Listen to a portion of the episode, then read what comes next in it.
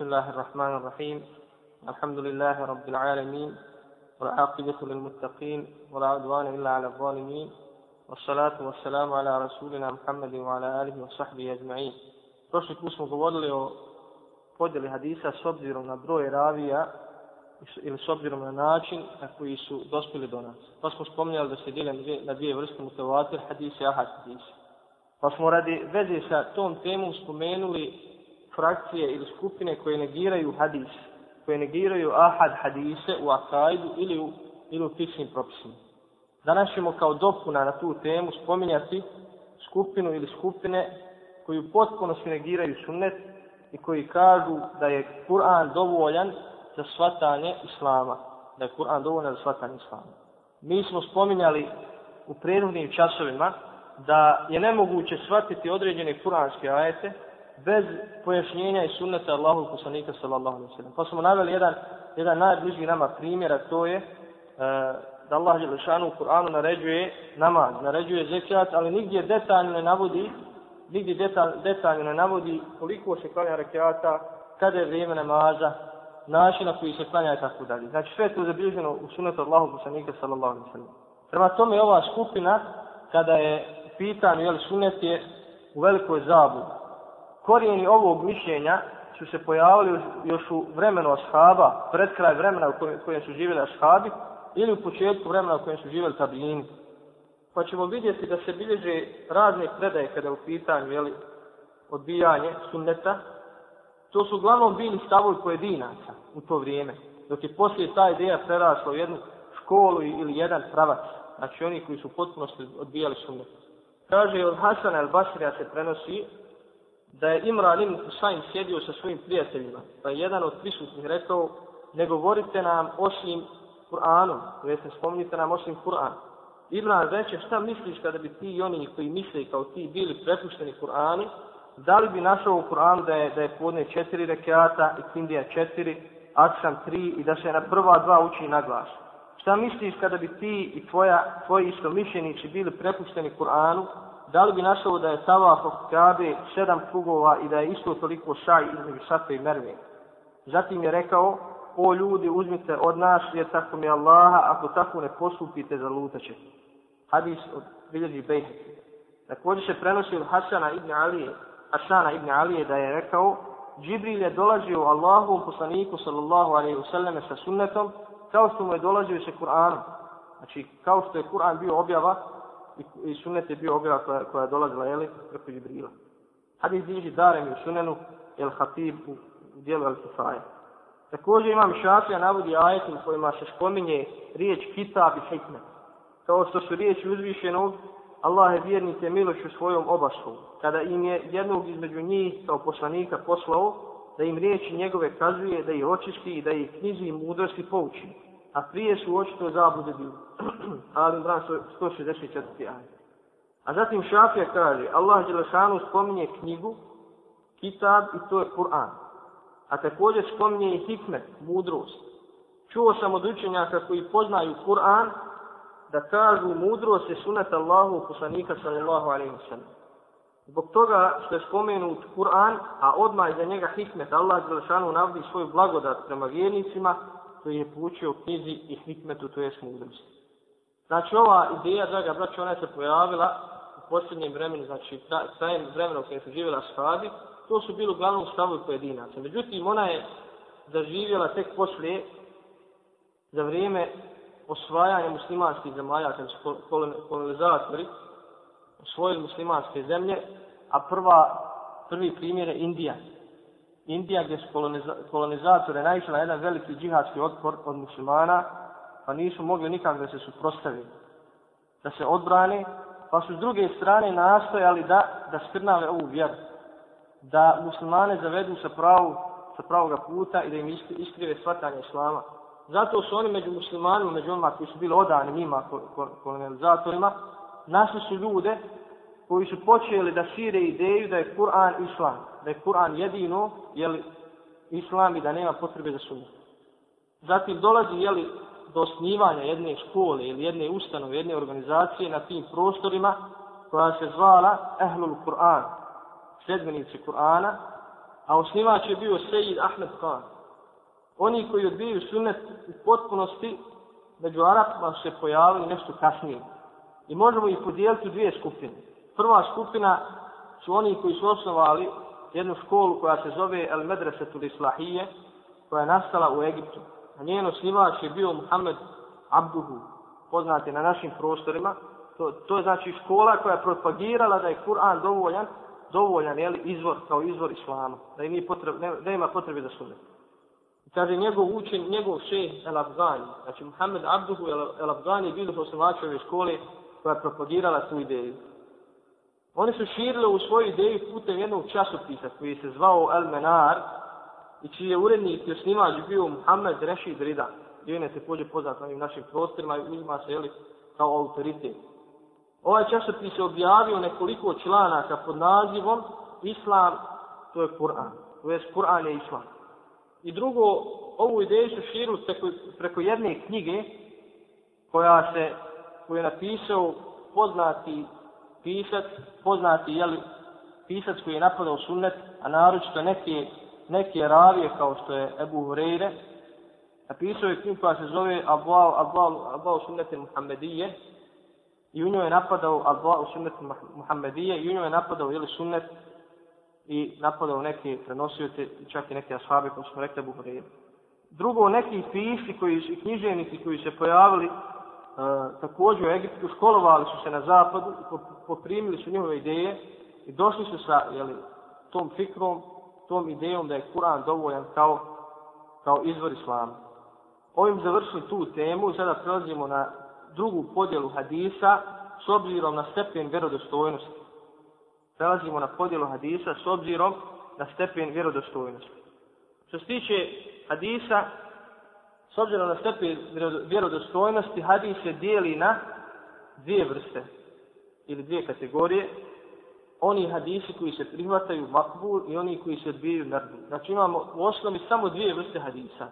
Oni koji mogu poslušati kao dokaz, koji se prihvataju kao dokaz i oni koji se odbijaju. Islamski učenjaci vremenom su sveli ovu podjelu na one hadise koji su sahih i hasen i na one hadise koji su baji. Znači, na jednoj strani imamo sahih i hasen hadis, koji se prihvataju kao dokaz, i na drugoj strani imamo baji hadis, slab, koji se ne prihvata kao dokaz. Prvo ćemo govoriti o sahih hadisu. Sahih hadis je onaj hadis koji u svakoj generaciji prenosi pošten i precizan ravija od istog takvog ravije sve do kraja seneda što je hadis koji kontinuirano prenosi pošten i precizan ravija od istog takvog ravije sve do kraja seneda, te koji ne protivriječi drugim pouzdanim predajama i koji ne protivriječi drugim pouzdanim predajama i nema u sebi skrivenih mahana i nedostatka. I nema u sebi skrivenih mahana i nedostatka. Znači da bi za jedan hadis sahih mogli reći da je sahih vjerodostojan, mora da ispuni pet uvjeta, pet šartova, mora da ispuni pet uvjeta. Da ne, da ne proturiječi drugim pouzdanijim predajama. To se na kaže da nije šar, da ne proturiječi drugim pouzdanijim predajama. Znači ako imamo jedan hadis s jednom predajom, govori jedno, a drugi je pouzdaniji, vjerodostojniji, govori drugo, onda ovaj hadis prvi ne može biti sahih. I kaže, i nema u sebi skrivenih mahana i nedostatak. To ćemo sve u, u detalju gledati. Znači, sened mora biti spojen od početka do kraja. To je prvi uvjet. Sened, lanac, prenosilaca mora biti spojen od početka do kraja. To znači da, da, je, da je svaki ravija živio u isto vrijeme sa onim od kojih prenosi hadis. I da se s njim susreo i od njega hadis izravno čuo. To je uslov koji navodi Buharija. Znači Buharija uslovljava da, je, da se ravija susretni sa onim od koga prenosi hadis. Dok to nije uslov kod muslima. To smo jučer spomenuli. Drugi uvjet, drugi šat sahih hadisa je da su svi prenosioci u senedu iskreni pošteni. Veza su udul, a poslije ćemo objasniti šta znači udul. Da su iskreni pošteni, pod iskrenošću i poštenjem se podrazumijeva sljedeće da su svi muslimani, znači predaja od nevjernika se ne prima, znači ne možemo uzeti hadis od nevjernika. da su svi punoljetni, znači ne možemo djeteta uzeti hadis. Dijete može da sluša predavanje, ili može da čuje hadis, ali kada ne može da ga prenosi dok ne postane punoljetni. Znači ako je dijete čulo hadis sa 10 godina, ne može da ga prenosi, ne može se uzeti od njega hadis dok ne postane punoljetni. Da su pametni, znači od čovjeka koji nema pameti, ne može se uzeti hadis, i da nisu skloni laži i griješenju, da nisu skloni laži i griješenju, znači činjenju hrama i propustanju farzova, da su čestiti i da ne krše pravila islamskog ponašanja. Da ne krše pravila islamskog ponašanja. Znači da se drže tog islamskog, bunto, islamskog buntona. Hadijski učenjaci nisu prihvatali hadis od ravija ako bi se jedan put makar u životu potvrdilo da je slagao ili svjesno činio neki haram. Nisu prihvatali hadis. Ukoliko bi se, osim ako bi se taj isti pokajao iskreno i potvrdio da, da, da, da je ostavio ta djela da, da je se iskreno pokajao Allahom sam. Treći uvjet je da svi prenosioci budu precizni do te mjere da su u stanju sve što je put čuju doslovno upan ukoliko usmeno prenose hadis. Znači da su u stanju sve što jedan put čuju doslovno prenijeti ako usmeno prenose hadis. Tačno i bez grešaka zapisati ako to čine pismenim putem, pisanim jeli, putem. Ako zapisuju hadise, znači da tačno zapišu hadis kako je čuo. Znači imamo dvije vrste te preciznosti. Ima one, imamo one ravije koji samo pamtili hadise, slušali pamti i poslije tako prenosili. Dok imamo ravije koji su oslanjali na pisanje, zapisivali su hadise i tako prenosili jeli, drugima. Četvrti uvjet je da nijedan ravija u svome kazivanju, u svojoj predaji ne smije protiv riječiti drugim pouzda, pouzdanim ili od njega pouzdanim ravijom. To smo malo prije spominjali. Znači, ako imamo dva hadisa, jedan govori jedno, a drugi sasvim drugo, a ovaj prvi hadis, njegov ravija je vjerodostojan, a nije vjerodostojan od ovog drugog, onda ovaj prvi hadis ne može biti sahih. Znači, ukoliko bi se desilo da jedan pouzdani ravija u jednoj te istoj stvari ili događaju priča drugčije od ravije koji je pouzdaniji od njega, hadis koji on propovijeda automatski bi postao slab ukoliko se ne bi moglo naći neko kompromisno objašnjenje. I peti uvjet, da preneseni hadis ne smije u sebi imati nikakvih skrivenih mahana i nedostataka. Znači da hadis ne smije u sebi imati nikakvih skrivenih mahana i nedostataka, bez obzira radilo se o senedu ili o metnu. Jer dogodi se, na primjer, da hadis ispuni sve uvjete vjerodostojnog hadisa, međutim, nađe se u njemu, znači neki od stručnjaka hadisa i znanosti, nađe neku skrivenu mahanu, usred koga hadis postane slab. Recimo, na primjer, svi hadisi koje, koje prenosi Hasan al-Basri od Omera ibn Khattaba na ovaj način su postaju slabi, iako su na prvi pogled izgledali pouzdano. Kaže, učenjaci su otkrili, iako je Hasan vremenski dočekao Omera, znači dočekao Omera, radijallahu an, znači doživio Omera, da on imao svega dvije godine kada je Omer umro. A dijete sa dvije godine nije u stanju upamtiti hadis. Što je ta skrivena mana koju su otkrili hadijski učenjaci? Znači, Hasan al-Basri je poznati, ili tabiin, generacija za shaba, koji je dočekao Omera, međutim, u, o, Omer je umro kada Hasan Basri imao dvije godine, a nije moguće da dijete dvije godine zapamti hadis kada ga poslije prenesi. Znači, da je imao više godina da je zapamtio hadis, onda ga je mogao prenijeti kada, kada postane pun. Sam sahih hadis se dijeli na dvije vrste. Sahih li zatihi i sahih li zajrihi. Znači sahih koji je sam po sebi sahih, jer ispunjava spomenute uslove koje smo naveli. Sam po sebi je sahih, ispunjava sve uslove koje smo naveli. I sahih ili zajrihi, to je hadis koji uslijed drugih hadisa postao, postao je sahih hadis. Znači on je sam po sebi hasen, međutim zbog drugih predaja koje ga pojačavaju postao je sahih hadis. Zbog drugih predaja koje ga pojačavaju postao je sahih hadis. Zamišljamo primjer sahih hadisa. Kad je bilježi Buharija u svom sahihu, kaže, pričao nam je Abdullah ibn Yusuf. Kaže, obavijestio nas je Malik od ibn Šihaba, a on od Muhammeda ibn Džubeira, ibn Mut'ama, a on od svoga oca da kaže, čuo sam Allahu od poslanika sallallahu alaihi sallam da na akšamu uči suru At-Tur ili At-Tur. Ovaj hadis bilježi Bukharija poglavi o ezanu. hadijski učenjaci koji se bave izučavanjem ravija prenosilaca, za ravije ovoga seneda, ovoga hadisa, kažu sljedeće. Za Abdullaha ibn Jusufa kažu da je fikatun mutkin, to je da je povjerljiv i da je precizan, prenošen. Za Malika ibn Enesa, jeli kažu da je vjerodosven jer je poznat kao imam i veliki hadijski učenjak i veliki jeli, učenjak svoga umeta Malik ibn Enes, govorili smo da on ima svoju zbir koja se zove Al-Muvatba. Kaže, Ibn Šihab Zuhri, Fethi, poznati Fethi, poznati Hafiz u hadisu, za njega se hadijski učenjaci slažu da je vjerodostojan i povjerljiv. Također Muhammed ibn Džubeir, kažu za njega islamski učenjaci da je fikha povjerljiv. I Džubeir ibn Mut'am Ashab, za shabe, jer postoji jedno pravilo, a to je da su oni svi povjerljivi po Znači ne može niko e, naći neku mahanu kod ashaba, jer Allah je šan ih, jeli, Kur'anu spominje i kaže da je zadovoljna sa njima. Ovo je primjer za sahih hadis, sahih ili dati, koji je sam po sebi sahih. Koji je sam po sebi sahih. Što se tiče sahih, hadis sahih gajli na većom primjer, pa kaže primjer za sahih gajli, koji je sahih zbog drugih predaja, nije sam po sebi, on je u osnovi Hasan, ali zbog drugih predaja postao sahih, je vam jasno? To ne bude nešto, ja sam bude poslije pitana. Kaže, primjer za ovaj, kaže, hadis od Muhameda ibn Amra se prenosi, a on od Ebu Seleme, a on od Ebu Hurere, da je poslanik sallallahu alejhi ve sellem rekao, kada ne bi otežao svome umetu, naredio bi im misvak pri svakom namazu. Kada ne bi otežao svome umetu, naredio bi im da koriste misvak pri svakom namazu. Muhammed ibn Amr, ovaj prvi ravija, je poznat kao povjerljiv. Poznati kao povjerljiv, ali nije toliko precizan da bi za hadis, precizan znači u prenošenju i u hibsu, pamćenju, da bi za hadis mogli reći da, da je sahih. Znači hadis je osnovi hasen. Hasen hadis.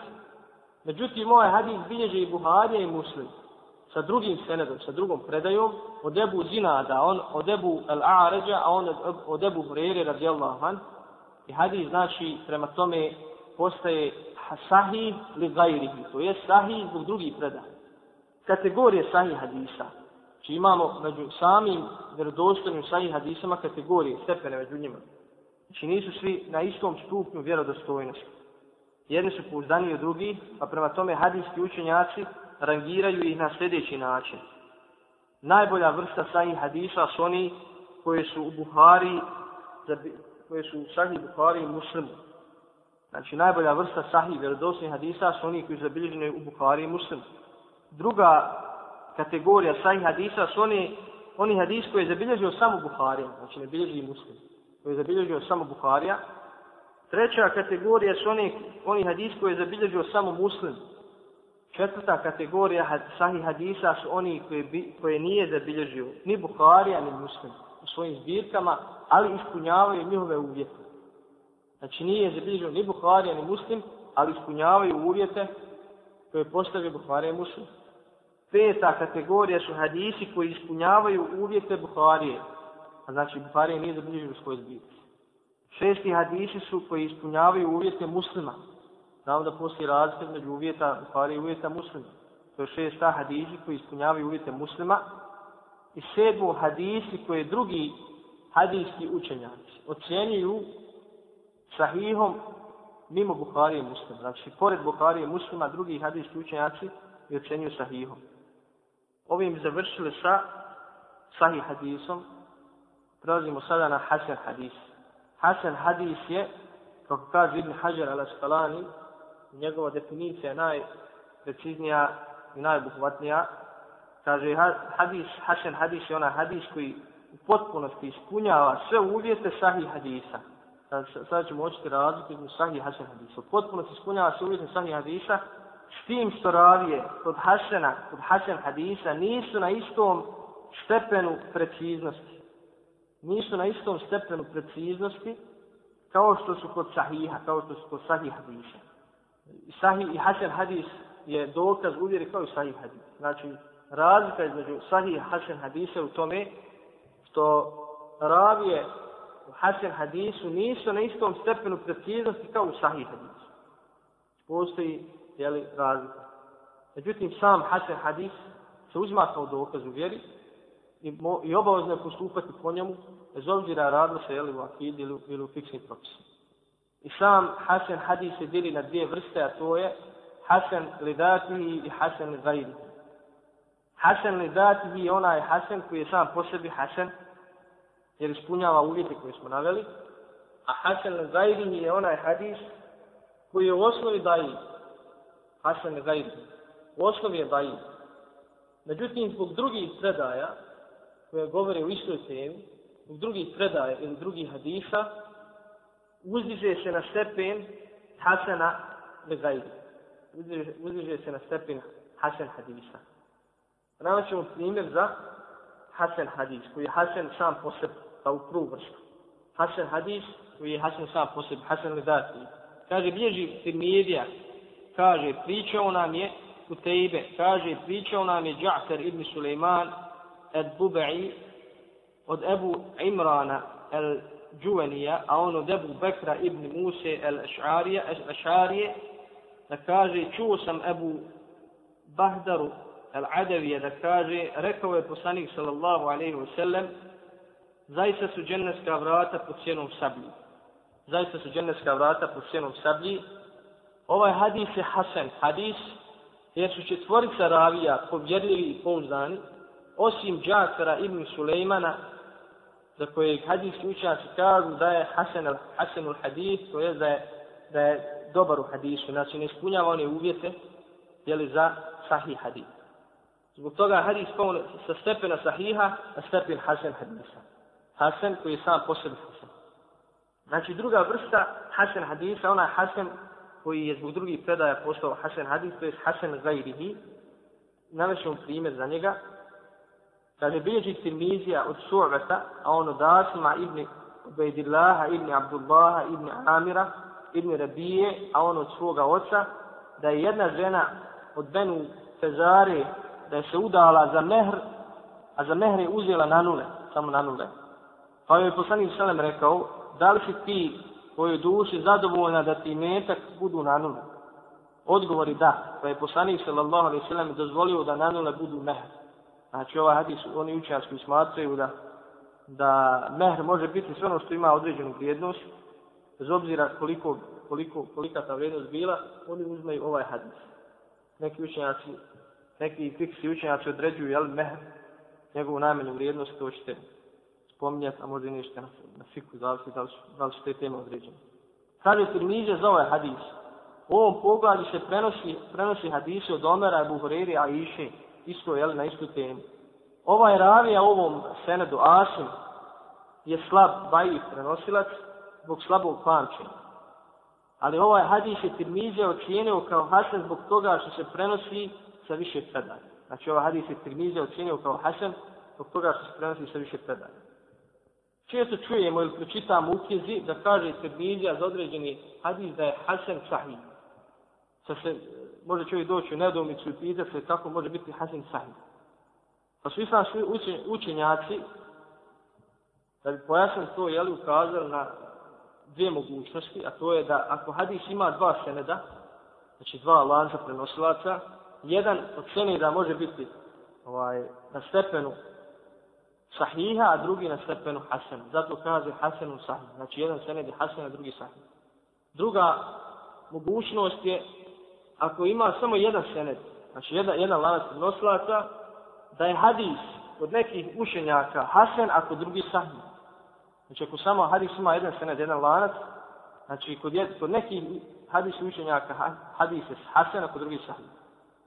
Mi smo govorili da je da su dvije najvjerodostojnije zbirke sahih hadisa Buharija i Muslim Sada prelazimo na drugu vrstu hadisa s obzirom na vjerodostojnost Znači ova prva vrsta su makbul, oni koji se prihvataju kao vjerodostojna, to sahih hasan. Druga vrsta je hadis koji se ne prihvata kao dokaz, to je daif, daif ili slab hadis. Daif ili slab hadis. Daif je hadis, onaj hadis kojemu nedostaje jedan ili više uvjeta sahih ili hasan hadisa. Znači, daif hadis je onaj hadis kome fali jedan od uvjeta koje smo prethodno naveli. Bez obzira, bio, bio jedan ili više, može biti najmanje jedan. Ako fali jedan, onda je hadis daji. Hadis može biti daji zbog prekida u senedu. Recimo imamo prekid u senedu, fali jedan ravija. A može biti slabi zbog drugih uzroka. Imamo spojen sened, međutim u senedu imamo čovjeka koji je, recimo, optužen da laže. Lažac. Kada hadis je daji. Navešemo primjer za daji hadis.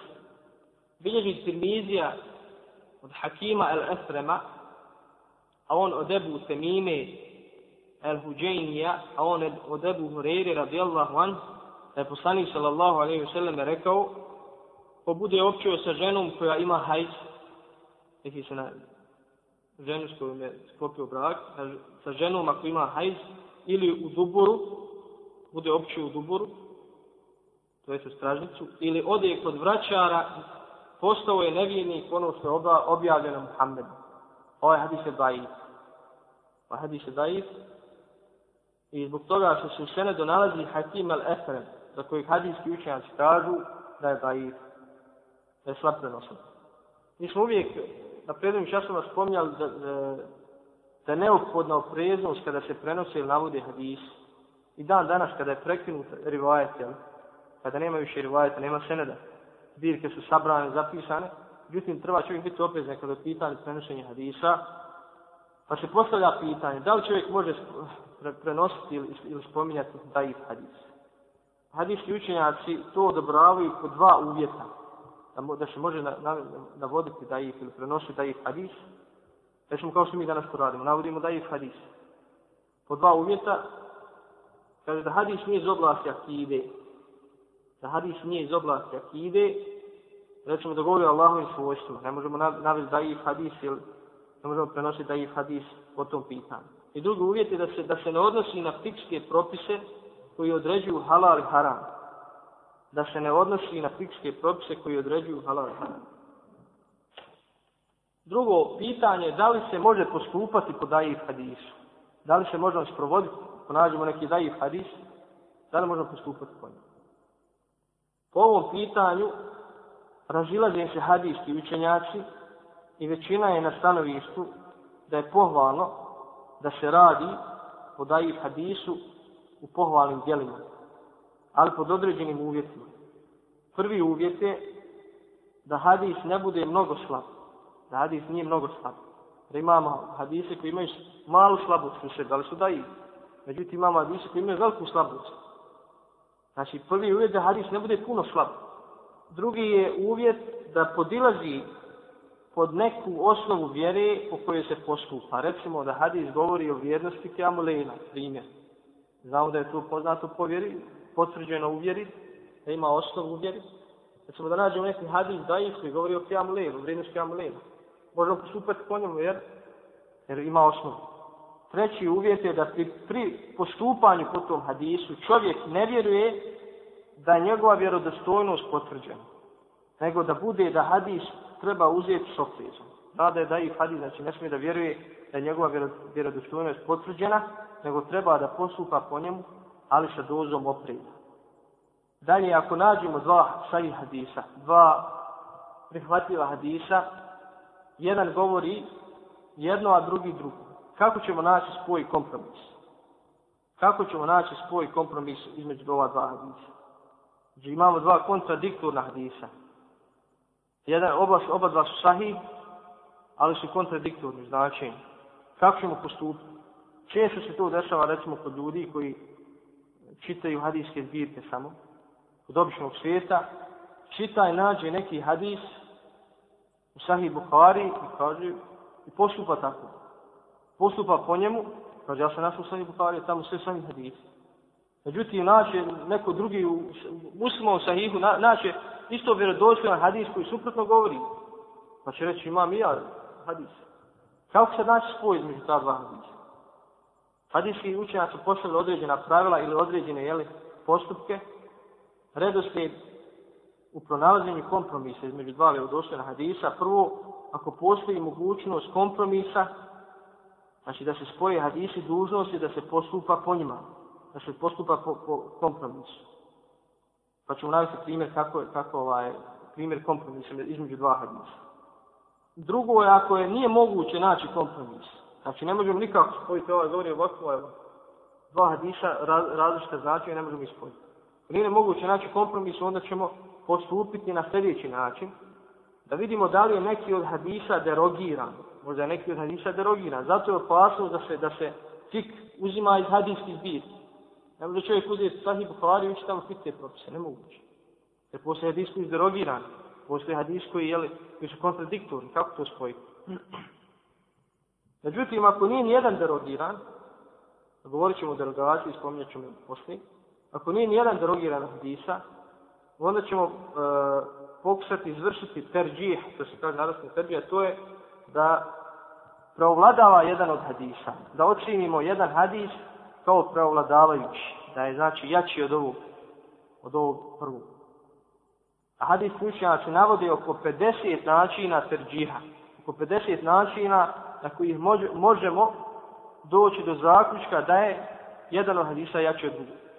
Međutim, ako se ne može izvršiti ni terđih, ako ne možemo, jeli, na kraju vidjeti koji hadis je ovaj, vjerodostojni ili koji je pravladavajući, onda ne postupamo ni po jednom hadisu. Ostavljamo hadise kakvi jesu, ne postupamo dok se ne nađe neki jeli, ovaj, uzrok na osnovu koje ćemo zaključiti ili doći do zaključka da je jedan od hadisa jači od Prvo smo spomenuli, znači da se da je se dužno da je dužno da se nađe kompromis među dva hadisa. Kako ćemo naći kompromis? Evo što nađemo način koji ćemo izvršiti kompromis, stavit ćemo znakove po kojima možemo zaključiti koji hadis je derogiran, a koji nije. Prvo, jasna izjava od poslanika sallallahu alaihi sallam. Kao hadis od Burejde koji, koji bliži sahih muslim, kaže poslanik sallallahu alaihi sallam, bio sam vam zabranio da posjećujete kabure, pa ih posjećujete sada, jer kaže oni posjećaju na ahiret. Prvo sam vam bio zabranio da ih posjećujete, ali sada vam je dozvoljeno jer oni posjećaju na ahiret. Znači ovdje jasno poslanik sallam izjavio da je prvi hadis derogiran, da je onaj hadis koji je zabranjivao derogiran. Dru, drugi znak je da neko od ashaba kaže, kao što je Džabir ibn Abdullah rekao, ono zadnje što je poslanik sallallahu alaihi sallam radio kada bi jeo meso koje se peklo na vatri je ne uzimanje abdesta. Znači, poslanik sallam, njegov zadnji postupak je bio ne uzimanje abdesta. Znači, u početku je bilo, ako bi se meso peklo na vatri, moralo se, moralo se uzeti abdest posle. Normalno slijedi, no? Podrazumijeva se. Znači, ako se peklo meso na vatri, pa se jelo, bila obaveza se uzme abdest a je to derogirano jeli, ovim, ovom izrekom ashaba, jer, jer tako bi se je selam postupao. Poznavanjem historiju, ako poznajemo historiju hadisa, recimo kao što je hadis od Šedada ibn Eusa, kaže u njemu da je poslanik Selem rekao, istario je se i onaj koji čini hijjamu i onaj koji se čini. A hijjama je ono izvlačenje krvi, one krvi, štetne krvi organizmu, radi zdravlja, radi zdravlja organizmu. Kaže, iftario je se i onaj koji to čini i onaj koji tome se čini. Međutim, moj hadis je derogiran hadisom Ibn Abbasa, kome kaže da je poslanik Selem izvršio hijjamu, a bio je muhrim, znači bio je u hramima i bio je postać. Izvršio je ovaj, hijjamu, a bio je u hramima bio je posla, Znači, nije, nije se omršio. Kaže, hadis slučajači navode da je ovaj hadis od Šedad, ovaj prvi, da je bio za vrijeme osvojenja Mekke. Osvojenja Mekke 8. godine po Hidžri. A ovaj drugi hadis od Ibn Abbasa da je bio na oprosnom hađu, znači pred kraj poslanika sa svem života. Prema tome ovaj drugi hadis je je li derogirao ovaj prvi. Četvrta stvar na osnovu koje znamo da li je hadis derogiran ili nije je hadis je, je ovaj iđma, konsenzus u lemi. Kao što je hadis, ko se napije alkohola, bićujte ga, pa ako se vrati četvrti put, ubijte ga. To je bilo, jel, u početku. Međutim, derogirano je to i džmaom, konsenzusom u lemi. Što se tiče kompromisa između dva vjerodostojna hadisa, imamo za primjer hadis kome poslanik za selem kaže nema prenošenja bolesti niti sujebije ne postoji prenošenje bolesti, jeli, niti je dozvoljeno sujebije. A u drugom hadisu kaže poslanik za selem, bježite od kuge kao što bježite od lava. Kako spojite ova dva hadisa? Prvom kaže nema prenošenja bolesti, a drugom kaže bježite od kuge. Što se tiče ovog prvog hadisa, njegovo značenje da u osnovi, u osnovi nema prenošenja bolesti sa bolesnog na zdravog, nego da Allah Đelešanu kako je dao prvom bolest, tako da i drugom. Znači da je to Allahom kaderom e, razbolio se ovaj drugi. A ovaj drugi hadis upućuje na preventivu da onaj ko se nađe među bolesnim, oboljelim odjeli ovaj, bolesti neke, da stvar da onaj koji, koji je zdrav da ne ide među oboljeli, da ne bi ovaj Allah za šanu dao da oboli ne prenošenje bolesti od njih, nego da mu kaderom bude određeno da oboli, pa da onda zbog toga pomisli da je da je bolest prešla od nekog drugog i da, da tako zapadne u dvije. Jer islamsko vjerovanje, akida je da da su sve stvari određene kaderom, Allahovim određenjem i da čovjek bez obzira što se nalazi među bolesnim i boljelim, da ne, ovaj, ne mora oboljeti. Ako malo žal nije dao kanju. Ovim završu što se tiče podjele hadisa s obzirom na vjeru